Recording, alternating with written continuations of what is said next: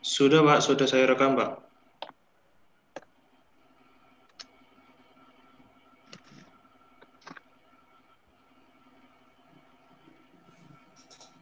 Ustaz Royan sudah siap? Yes, sir.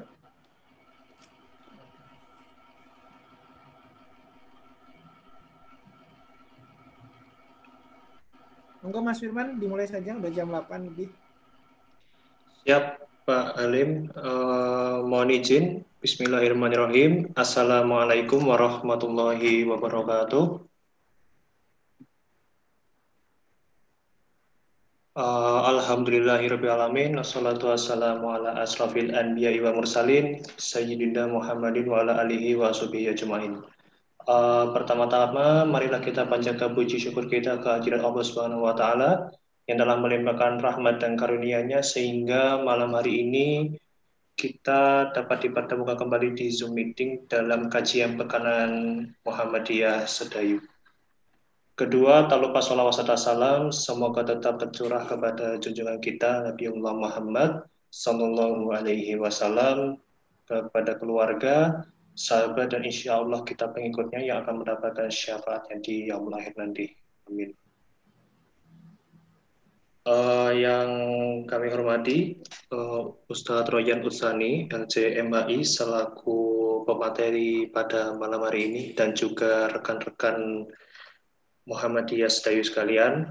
Uh, sebelum kajian pekanan Muhammadiyah Sedayu pada malam hari ini kita mulai, marilah kita awali kajian ini dengan membaca basmalah bersama-sama.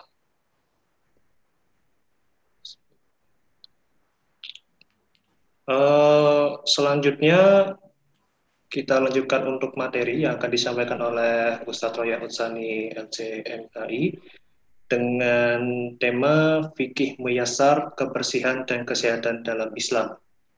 Uh, kepada Ustadz Royan Usani LCMAI, waktu dan tempat kami persilahkan. Bismillahirrahmanirrahim. Assalamualaikum warahmatullahi wabarakatuh. Waalaikumsalam warahmatullahi wabarakatuh. Alhamdulillah kafa wassalatu wassalamu ala ibadihi istafa wa ala alihi wa sahbihi wa man sara ala nahjihi faqad iktada Asyhadu an la ilaha illallah wa asyhadu anna Muhammadan abduhu wa rasuluhu la nabiyya ba'dah. Allahumma salli ala Muhammad wa ala alihi wa sahbihi wa man walah.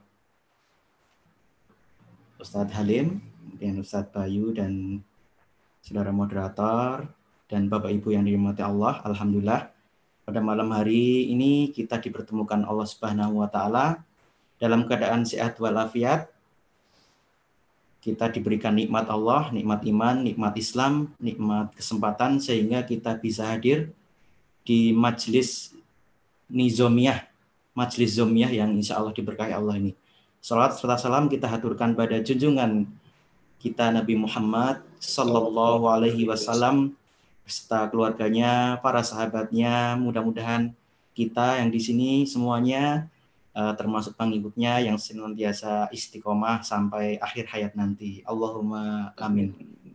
Baik Bapak Ibu yang mati Allah, di sini saya insya Allah akan menyampaikan materi tentang fikih sederhana ya seperti itu muyasar itu yang ringan simple gitu insya Allah mudah-mudahan nanti kita bisa uh, mengkaji uh, fikih tentang fikih muyasarah, ya, kesehatan dan kebersihan lingkungan. Baik, sebelumnya bisa saya share, J? Mas Bayu? Atau? Ya. Oke. Okay. Saya bisa nge-share. Nah, Oke, okay, baik. Ya, kita mulai dengan basmalah, ya. Bismillahirrahmanirrahim. Sudah terlihat, ya, Bapak Ibu? Ya, Ustaz, sudah. Oh, okay, Alhamdulillah. Jadi ini adalah mukadimah atau pendahuluan.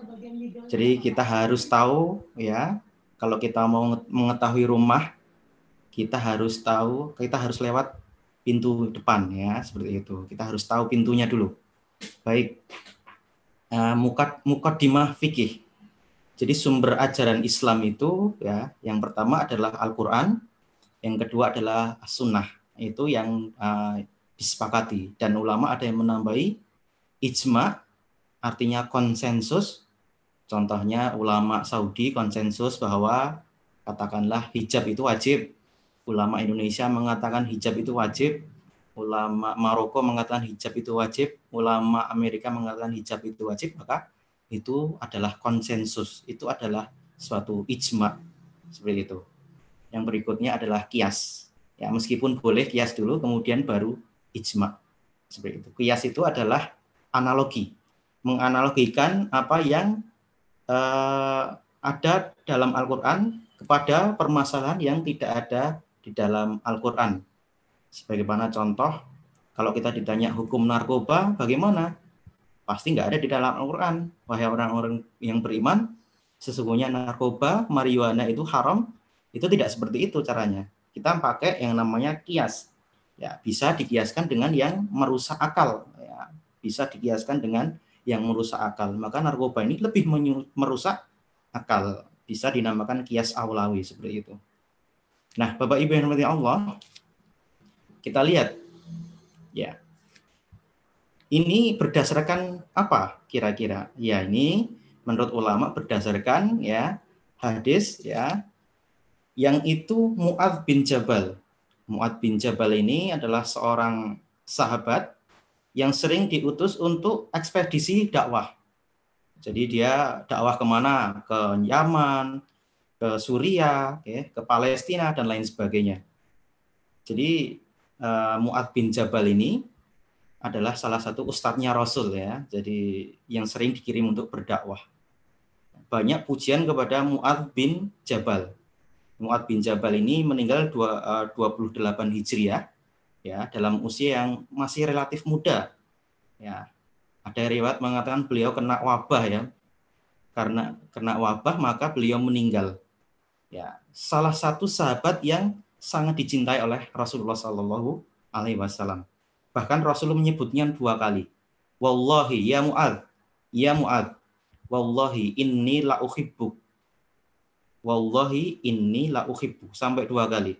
Wahai Muad, demi Allah aku mencintaimu. Demi Allah aku mencintaimu. Masya Allah. Kemudian Rasul juga pernah berwasiat kepada Muad bin Jabal. Muad, saya kasih wasiat. Kalau kamu amalkan, Masya Allah, ini pahalanya luar biasa. Ya, kalau kamu selesai, dari sholat, kamu baca doa ini. Allahumma a'inni ala zikrika wa syukrika wa husni ibadati. Ya, itu doa yang diajarkan oleh baginda Nabi kepada Muad bin Jabal. Ya, Bapak Ibu rahmati Allah, Muad bin Jabal ini juga termasuk sahabat yang paling faham terhadap ilmu agama. Ya, terutama terutama dengan halal dan yang haram. Nah, ketika suatu ketika Muad ingin dikirim ke Yaman, ya, Kemudian Rasulullah bertanya, kalau ada masalah, ya gimana Mu'ad? Cara menyelesaikan gimana? Saya dengan kitabullah, Masya Allah, dengan Al-Quran. Yang kedua, seandainya ya umpamanya tidak ada di dalam Al-Quran gimana? Ya, Mu'ad menjawab, saya uh, ingin memakai sunnah Rasulullah Shallallahu Alaihi Wasallam. Terus kemudian yang ketiga, gimana kalau umpamanya dalam Quran nggak ada, dalam sunnah juga? Kami persoalkan adalah ketika kemudian uh, hak dari individu itu untuk menolak oh, ya. uh, untuk dilakukan vaksin. Karena banyak faktor-faktor seperti tadi yang juga Uh, mohon izin kepada Bapak Ibu jamaah Muhammadiyah Sedayu sekalian untuk bisa menonaktifkan mikrofonnya terlebih dahulu dan bisa mendengarkan materi yang disampaikan oleh Ustadz Royan Utsani. Terima kasih. Baik, terima kasih. Oke, kemudian apa? Saya beristihad menggunakan pendapat saya. Dan hadis ini bisa disimpulkan bahwa ya dari hadis ini bahwa sumber hukum Islam, sumber ajaran Islam itu adalah Quran, Sunnah, ijma dan dan kias seperti itu. Bapak Ibu yang dirahmati Allah, oleh sebab itu eh, kita ya harus pegang teguh sama Al-Quran dan dan Sunnah seperti itu. Nah, kemudian kita lihat ya, fikih. Kita sering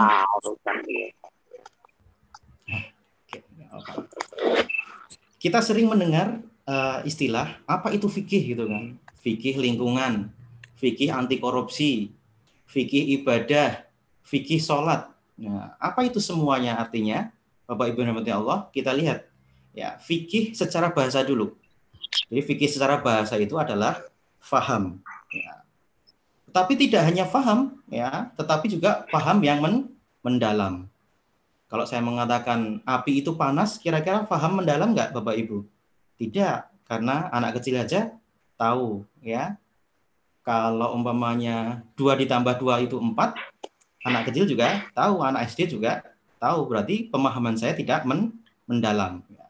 Fikih secara bahasa adalah pemahaman yang mendalam. Ya. Kalau tidak mendalam berarti namanya tidak fi fikih. Orangnya disebut fakih. Nah, seperti itu. Nah, Bapak Ibu yang penting Allah, kira-kira dalam Al-Quran ada tidak yang mengatakan bahwa kalimat fikih atau semacam itu? Ya, kita lihat ya di dalam surat di dalam Al-Qur'an ya Allah berfirman ya seraya qalu ya Syuaib manafqahu katsiran mimma taqul. Ya mereka berkata mereka itu siapa? Ya kaumnya Nabi Syuaib. Kaumnya Nabi Syuaib itu siapa? Kaum Mad kaum apa Bapak Ibu? Kaum Madian ya. Kaum Madian ini adalah kaum yang korup ya. Yang culas yang sering menakar timbangan curang dia. Jadi Nabi Syuaib diutus untuk kaum yang seperti itu ya. Dengan mengatakan ya Syuaib ya kami tidak faham kami tidak memahami apa yang kamu katakan. Ya, masya Allah. Nah, dari kaum Nabi Lut ya itu uh, homoseksual ya kemudian kaum Nabi Syuaib Madian itu adalah orang yang culas ya kemudian kalau sekarang ya ada orang yang mohon maaf berperilaku menyimpang baik homoseksual baik itu korup baik itu luar biasa kafirnya, radikal, banyak sekali Bapak Ibu yang Allah. Maka ketika Nabi eh, Muhammad adalah Nabi yang terakhir, ya tidak ada Nabi setelah itu. Maka kita menghadapi hal yang luar biasa. Ya, tantangan kita luar biasa ya setelah uh, Nabi uh, tiada, Bapak Ibu yang Allah. Kemudian kalimat fikih, fikih itu juga sering kita ucapkan. Kapan? Ketika kita mau pidato, ketika kita mau khutbah, ketika kita mau ceramah, ya, apa doa kita? Robbi srohli sodri, wa yasirli amri, wahlul uqdatami lisani iyafqahu qawli. Oke. Jadi ketika itu Nabi Musa mohon kepada Allah ya Allah, lapangkanlah dadaku, ya, lancarkanlah lisanku supaya kaumku memahamiku. Masya Allah Bapak Ibu Allah kita lihat bahwa Nabi Musa berdoa kepada Allah ya, Robbi Srohli Sodri. Nah, Nabi Muhammad juga berdoa, tetapi doanya sudah dikabulkan terlebih dahulu ya. Alam nasroh laka sodrok, bukankah kami telah melapangkan dadamu wahai Nabi Muhammad.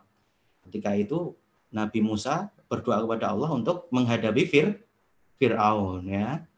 Ya mungkin Bapak Ibu ya ketika menghadapi jamaah ya itu berdoa dengan ini ya seolah-olah jamaah itu ya seperti itu. Tapi tidak apa-apa ya, berdoa dengan itu insya Allah boleh.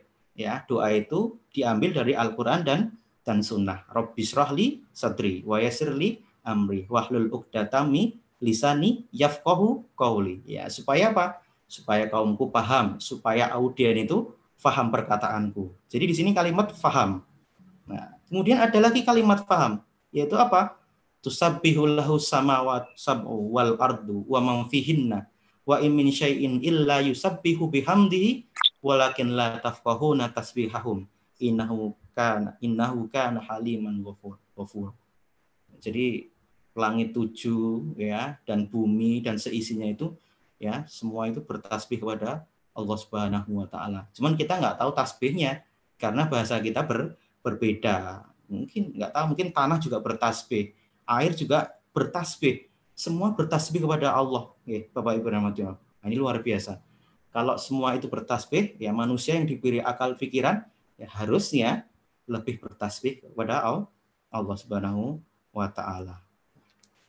Nah, kemudian nah, dalam Islam ketika kita belajar ya tidak hanya sekedar tahu tapi kita dituntut untuk faham ya.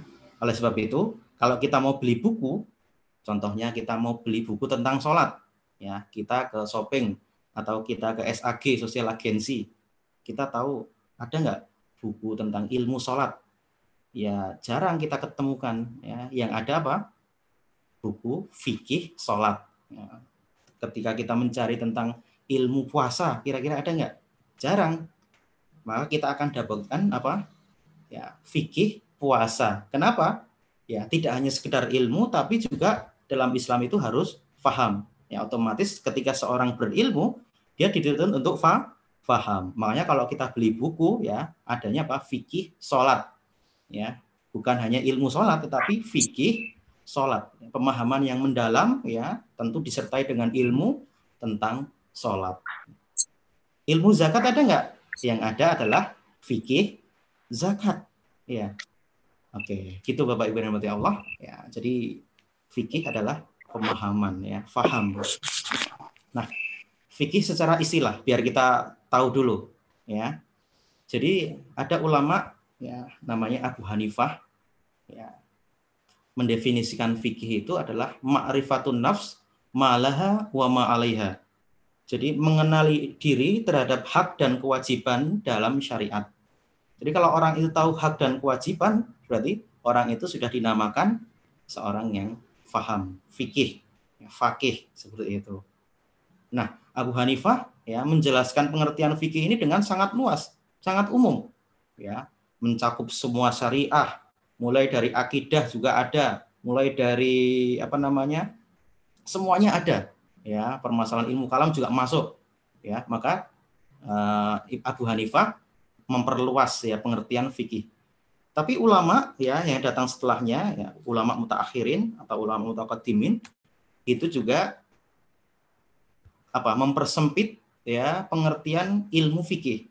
Ya pengertian fikih dipersempit dengan pengertian apa ya al ilmu bi ahkam asyariyah al amaliyah al muktasibah al muktasabah min adillatiha at tafsiliyah ilmu tentang hukum syariat yang terkait amal perbuatan yang itu digari dari dari dalil-dalil yang ter, terperinci. Nah, di sini ada empat batasan Bapak Ibu yang Allah jamaah. Yang pertama ya dalam pengertian ilmu tentang hukum syariat. Ilmu tentang hukum syariat. Berarti ilmu yang selain syariat ya atau selain Quran dan Sunnah berarti tidak termasuk dalam ilmu fikih.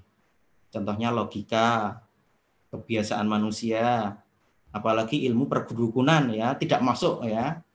Jadi hanya ilmu yang syari syariat. Yang berikutnya adalah apa?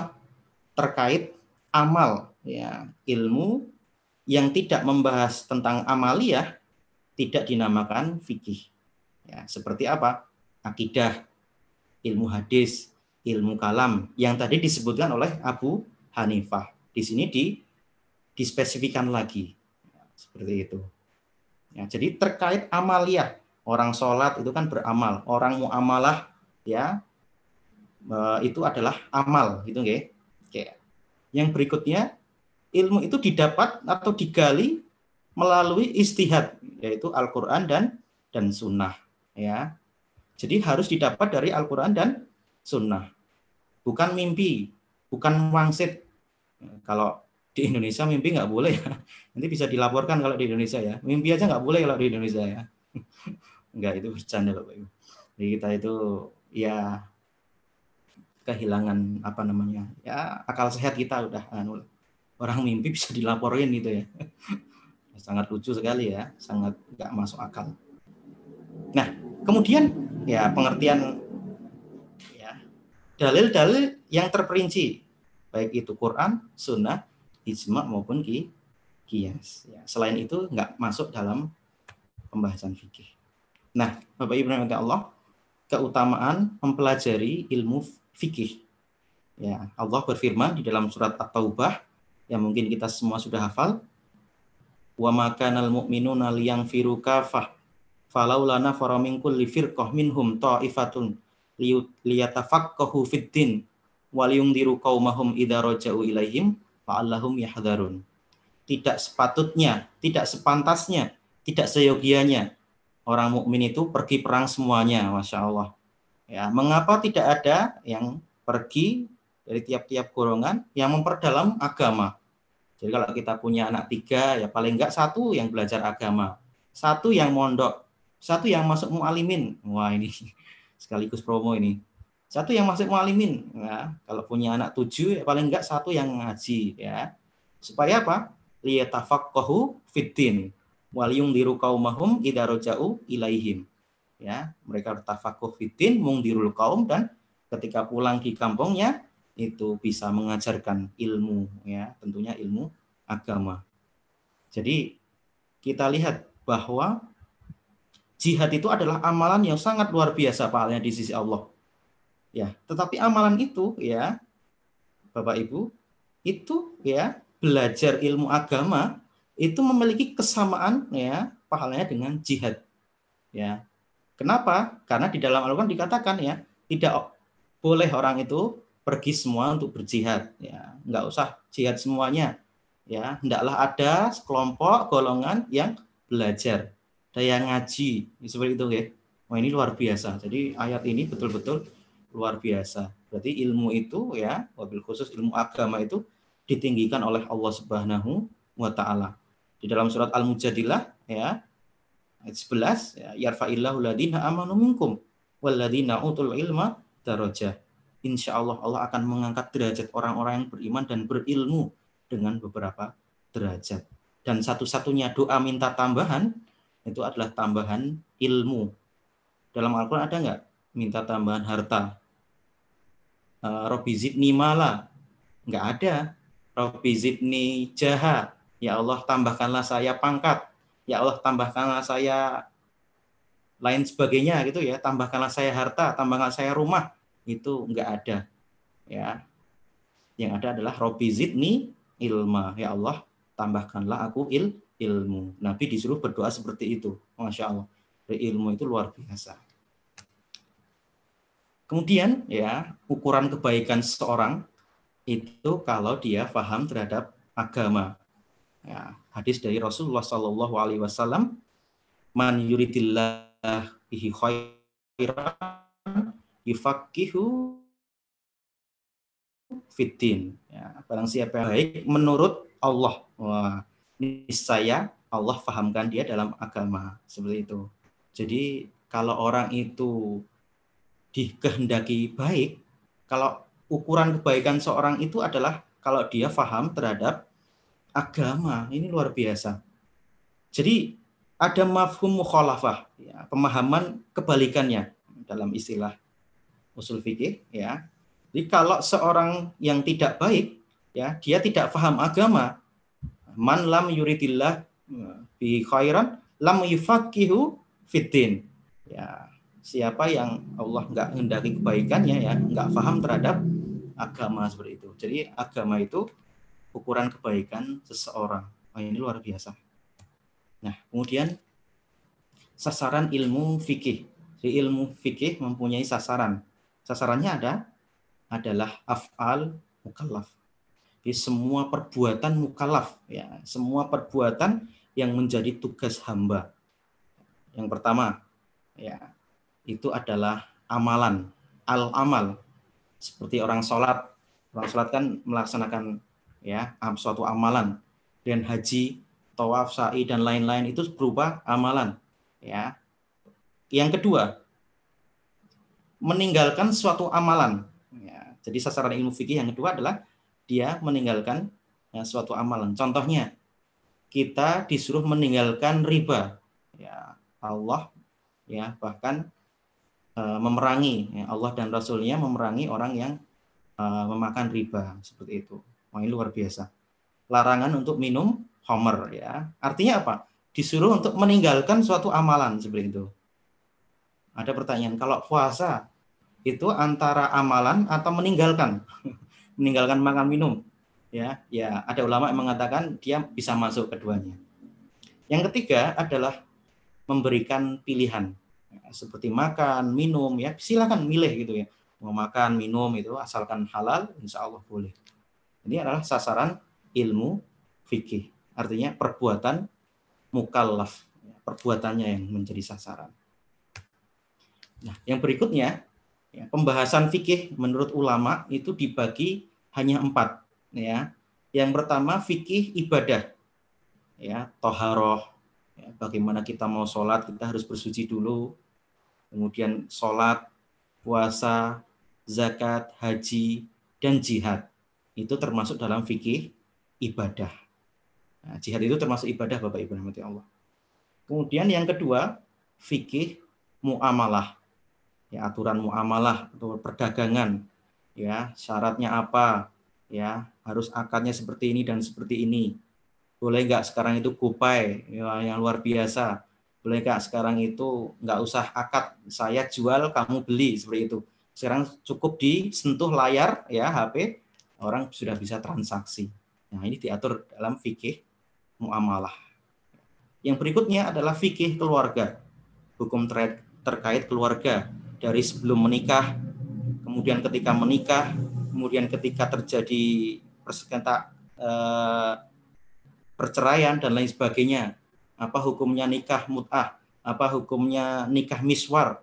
Nikah miswar itu seorang istri eh, melepaskan haknya untuk dinafkahi itu namanya nikah misyar seperti itu apakah hukumnya boleh enggak ada seorang uh, ibu-ibu yang datang itu kan tanya Ustadz saya uh, nggak bisa bercerai tuh kenapa ibu?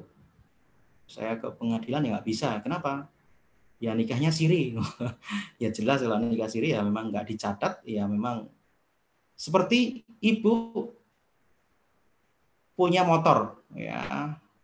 Motornya itu nggak ada STNK, ya, nggak ada BPKB-nya, kemudian hilang, lapor ke polisi, lapor ke pihak yang terkait, ya kira-kira diterima laporannya seperti itu.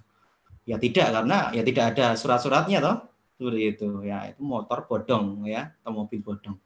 Apakah hukumnya dalam Islam seperti itu? Kemudian fikih kodok dan jinayah, peradilan, kriminal, ya takzir, had dan lain-lain ya pokok hukum had itu kayak potong tangan dan lain sebagainya, cambuk dan lain sebagainya. Jadi pembahasan ilmu fikih itu dibatasi pada empat ini. Fikih ibadah, fikih muamalah, fikih keluarga, dan fikih kodok dan jinayah. Seperti peradilan dan uh, kriminal. Nah, ini Bapak Ibu, ini objek fikih. Ya, objek kajiannya adalah perbuatan mukallaf Orang yang sudah balik sehat pikirannya. Kalau orang yang belum, ya tidak terkena beban karena Rasulullah bersabda rufi al qalam an salas ya. Jadi pena dosa itu tidak dicatat ya terhadap tiga orang. Yang pertama ya orang gila, kemudian bayi, kemudian orang yang sedang tidur, nah, itu nggak kena beban sama sekali.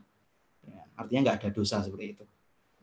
Ya, kemudian perbuatan manusia yang berhubungan dengan Allah ya yaitu ibadah tadi disebutkan. Kemudian perbuatan yang berhubungan dengan sesama manusia, muamalah ya, hukum pidana, hukum acara, hukum bisnis ekonomi dan lain-lain. Bapak Ibu rahmati Allah. Jadi apa? Objek kajian fikih. Ya, berikutnya mungkin kita sering mendengar tapi kadang-kadang kita lupa sedikit ya. Dulu pernah diajarkan tetapi lupa. Apa itu perbedaan syariah apa perbedaan fikih? Apa itu perbedaan hukum syar'i? Uh, secara singkat, Bapak Ibu Allah, syariah menurut Mahmud Shaltut itu adalah jalan menuju ke mata air. Kalau kita berada di suatu gurun, ya padang pasir yang sangat luar biasa, atau di situ kemarau yang sangat luar biasa, kemudian ada mata air, ada oase. Di orang yang minum itu selamat, ya kalau nggak minum mungkin dia nggak tahu ke mana arahnya itu bisa meninggal. Jadi syariah itu adalah jalan menuju keselamatan abadi. Ya itu adalah syari syariah. Kemudian itu maknanya bisa diperluas bahwa syariah adalah seluruh norma-norma agama Islam yang meliputi aspek doktrinal maupun aspek praktis. Aspek Artinya spesifik norma-norma yang mengatur tingkah laku konkret seperti ibadah, nikah, jual beli, penyelenggaraan negara dan lain-lain. Yang berikutnya fikih yang tadi kita jelaskan. Ini hukumnya wajib, apa haram, apa mubah, apa sunnah, apa makro, apa fasid atau butlan. Ya. Bagaimana saat ini hukum vaksin katakanlah. Nah, seperti itu. Nah, itu masuk dalam fikih ya. Ada Profesor Abdul Mukti menulis di di koran yaitu fikih vaksinisasi seperti itu. Itu fikihnya seperti apa ya dia hukumnya seperti apa? Nah, seperti konkretnya seperti itu. Yang berikutnya adalah hukum syar'i. Ya, hukum syar'i adalah hitabullah. Ya, jadi Allah menyapa manusia itu namanya hukum syar'i. Isinya apa? Tuntutan, ya, tuntutan, perizinan atau penetapan. Nah, Bapak Ibu Allah, jemaah, ini contoh sederhana, ya kalau kita pengen bagaimana sholat itu hukumnya, maka Allah berfirman, wa aqimus sholah wa atuz zakah warka'u ma'ar. Dirikanlah sholat, tunaikan zakat, dan rukulah bersama orang-orang yang yang ruku. Berarti dari ayat tersebut, fikihnya apa kira-kira? Sholat adalah wa, wajib. Jadi hukum sholat adalah wa, wajib. Ini fikih. Oke, kalau Bapak Ibu jamaah mungkin bertanya, kalau usul fikihnya seperti apa? Usul fikihnya itu lebih ke teori. Ada roti, ada pabrik. Nah, usul fikih ini adalah pabriknya. Fikihnya itu adalah rotinya. Nah, seperti itu. Gampangnya seperti itu. Jadi, kalau usul fikihnya, bagaimana tahu bahwa hal itu wajib? Maka di sini ya perintah wazannya amr ya. Fi'il amr ya, semua perintah yang tanpa disertai korinah atau indikator itu adalah wajib. Ya, jadi perintah itu menunjukkan kewajiban. Ketika Allah berfirman, "Aki musolah dirikanlah sholat," berarti sholat itu wajib. Ketika mengatakan wa zakat berarti zakat itu wajib. Ya, haji itu wajib. Ya, dan lain-lain dan lain-lain. Ya, Gimana caranya mengetahui? Berarti itu perintah. Ya, al-amr ya, di al-amr ya mewajibkan adalah Nah, itu Bapak Ibu rahmati Allah. Atau yang sederhana lagi, bagaimana hukumnya ya bersentuhan ya setelah wudhu. Nah, itu kan ada ulama yang mengatakan batal mutlak seperti Syafi'i bersentuhan sama siapa pun ya lawan jenis itu batal Kemudian ada Abu Hanifah yang mengatakan tidak batal ya, karena yang dimaksud aula mastumunisa adalah uh, seksual intercourse ya, jadi berhubungan suami istri sah. Seperti itu baru batal ya. Kalau cuma sentuhan-sentuhan nggak batal ya dan lain-lain dan lain-lain. Kalau madhab Hanbali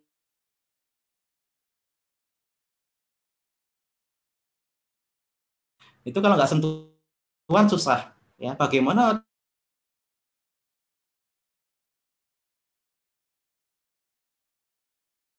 cara ya kalau ada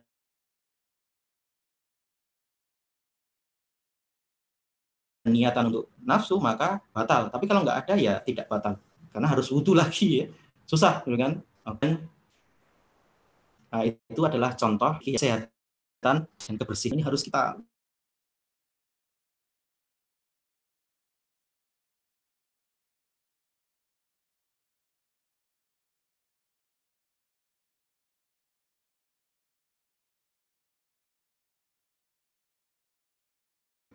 Rasulullah Shallallahu Alaihi Wasallam mengatakan nikmatani maghbun fihi ma katsirum minan nas as-sihah wal farah.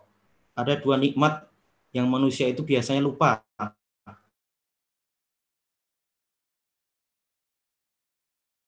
Jangan menantikan kesibukan. Ketika itu kita sehat, jangan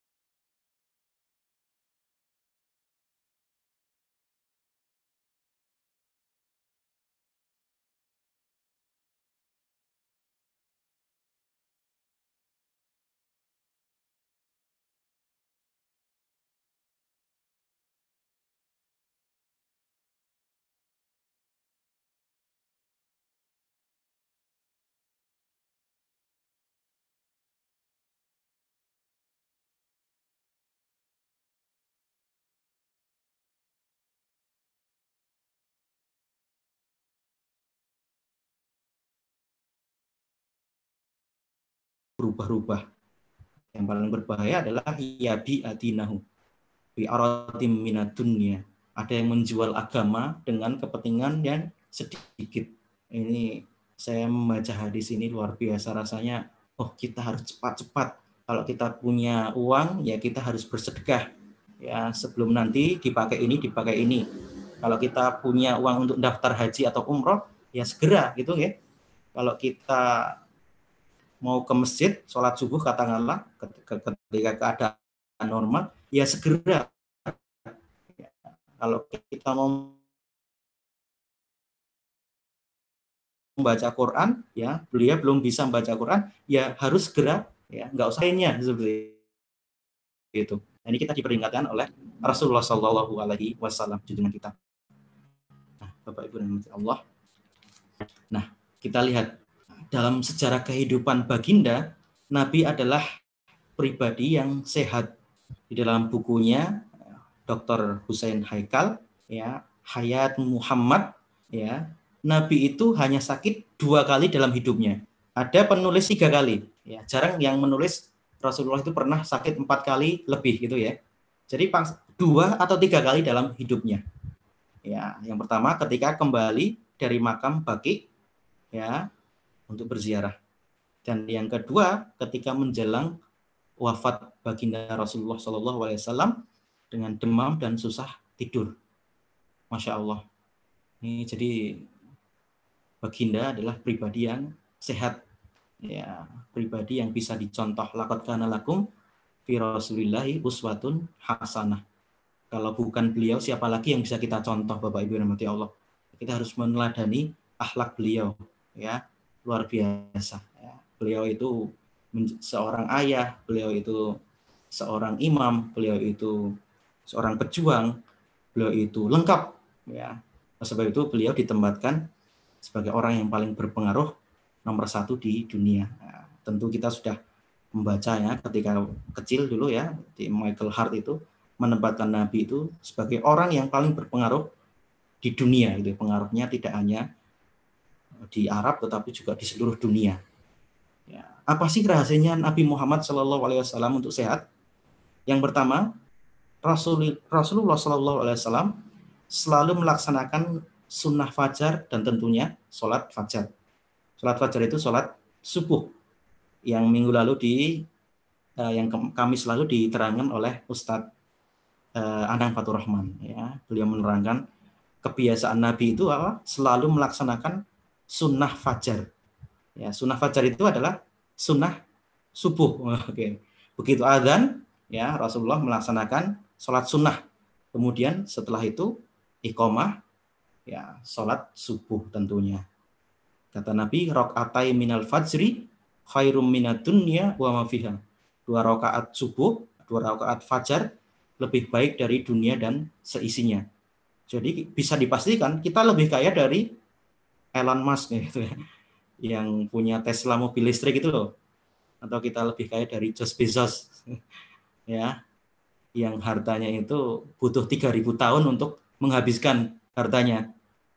Jadi kita lebih mulia dari orang seperti itu. Kalau kita bangun pagi, bagi pemuda-pemudi ya, bagi pemuda. Ini jangan harap bisa bangun keluarga kalau bangun pagi aja susah gitu ya.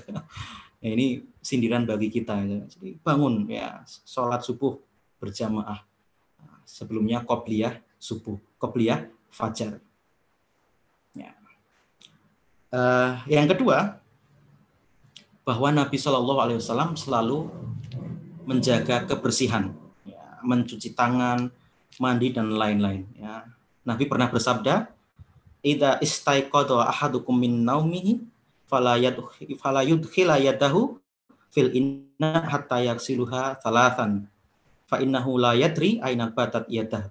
Jadi kalau kita bangun tidur ya sebelum kita nyentuh apa-apa kita disuruh untuk mencuci tangan sebanyak tiga kali. Ya, ketika itu mungkin sabun belum seperti sekarang ini atau hand sanitizer ya, bukan hand, hand stabilizer ya hand sanitizer itu kan ya, mungkin sekarang cukup sekali tapi dengan yang bersih. Rasulullah sudah 14 abad yang lalu menjelaskan ya manusia sekarang ya baru tahu manfaat cuci tangan ya ketika saat ini. Mungkin Bapak Ibu yang rahmati Allah, ya, ketika pergi ke suatu tempat, ya, cuci tangan. Pergi ke rumah teman, cuci tangan. Itu ya, seolah mau disuruh untuk makan itu ya. Ternyata enggak. enggak disuruh untuk makan ya. Saya kira disuruh untuk makan ya. Di mana-mana suruh cuci tangan itu ya. Nah, Bapak Ibu rahmati Allah, ya, itu Nabi Shallallahu alaihi wasallam ya selalu menjaga kebersihan. Ya, ini. Bang Fajar selalu menjaga kebersihan, memperhatikan makanan dan minuman. Fal yang duril insan ila to'ami. Harusnya hendaklah manusia memperhatikan makanannya. Makanan yang halal dan bergizi. Kulu mimma fil ardi halalan toyibah. Makanan halal dan bergizi.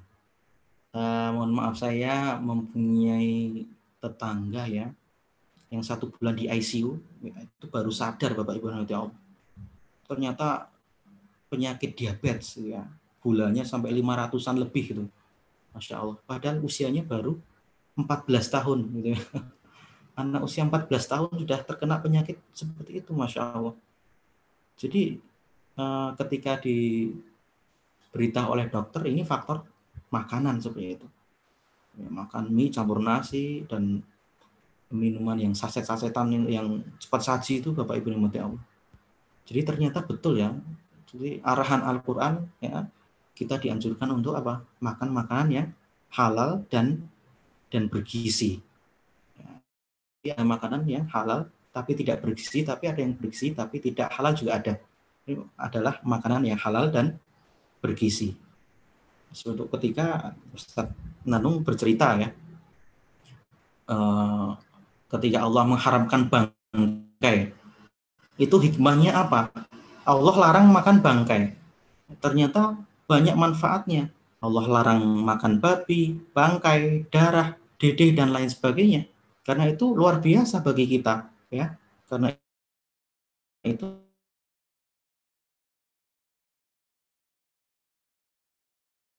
luar biasa. Keluarga. Ternyata satu keluarga tadi sakit. Indikasinya sakit antrak ya yang itu jarang sekali terjadi. Ya karena Allah melarang ya makan bangkai ya itu mungkin hikmahnya. Padahal penyakit antrak itu menghilangkannya luar biasa. Harus dikubur ya, kemudian ditaruh di atasnya itu dami damen